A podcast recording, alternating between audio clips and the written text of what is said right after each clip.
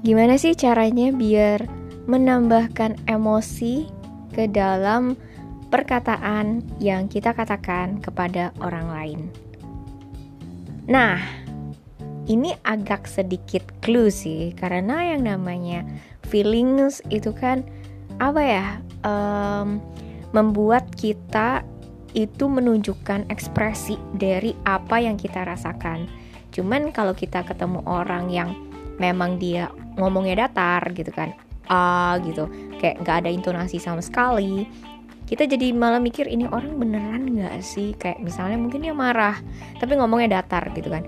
Bener nggak sih ngomongnya marah tapi kok kayaknya biasa aja gitu? Atau mungkin dia cemas tapi dia flat gitu ngomongnya. Walaupun sebenarnya kita bisa lihat dari bahasa tubuhnya gitu kan. Atau um, ekspresi wajahnya gitu cuman yang namanya intonasi ternyata berpengaruh juga. Dan tipsnya ini tips yang gue dapetin dari coach untuk khusus komunikasi gitu kan. Namanya Vin. Dia bilang kalau misalnya kamu mau menunjukkan emosi dari perkataan itu tambahin tekenin aja di huruf hidup gitu. Kesel banget. Nah itu kan e nya yang ditekan gitu kan.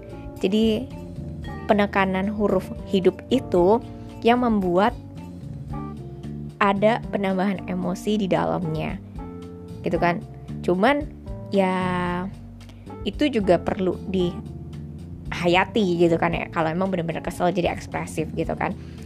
Dan penekanan huruf hidup itu yang akan membantu menambah emosi ke dalam perkataan yang kita ingin katakan kepada orang lain jadi orang lain itu tahu bahwa yang dikatakan itu sesuai dengan apa yang dirasakan. Semoga apa yang gue bagikan di sini bermanfaat untuk teman-teman sekalian.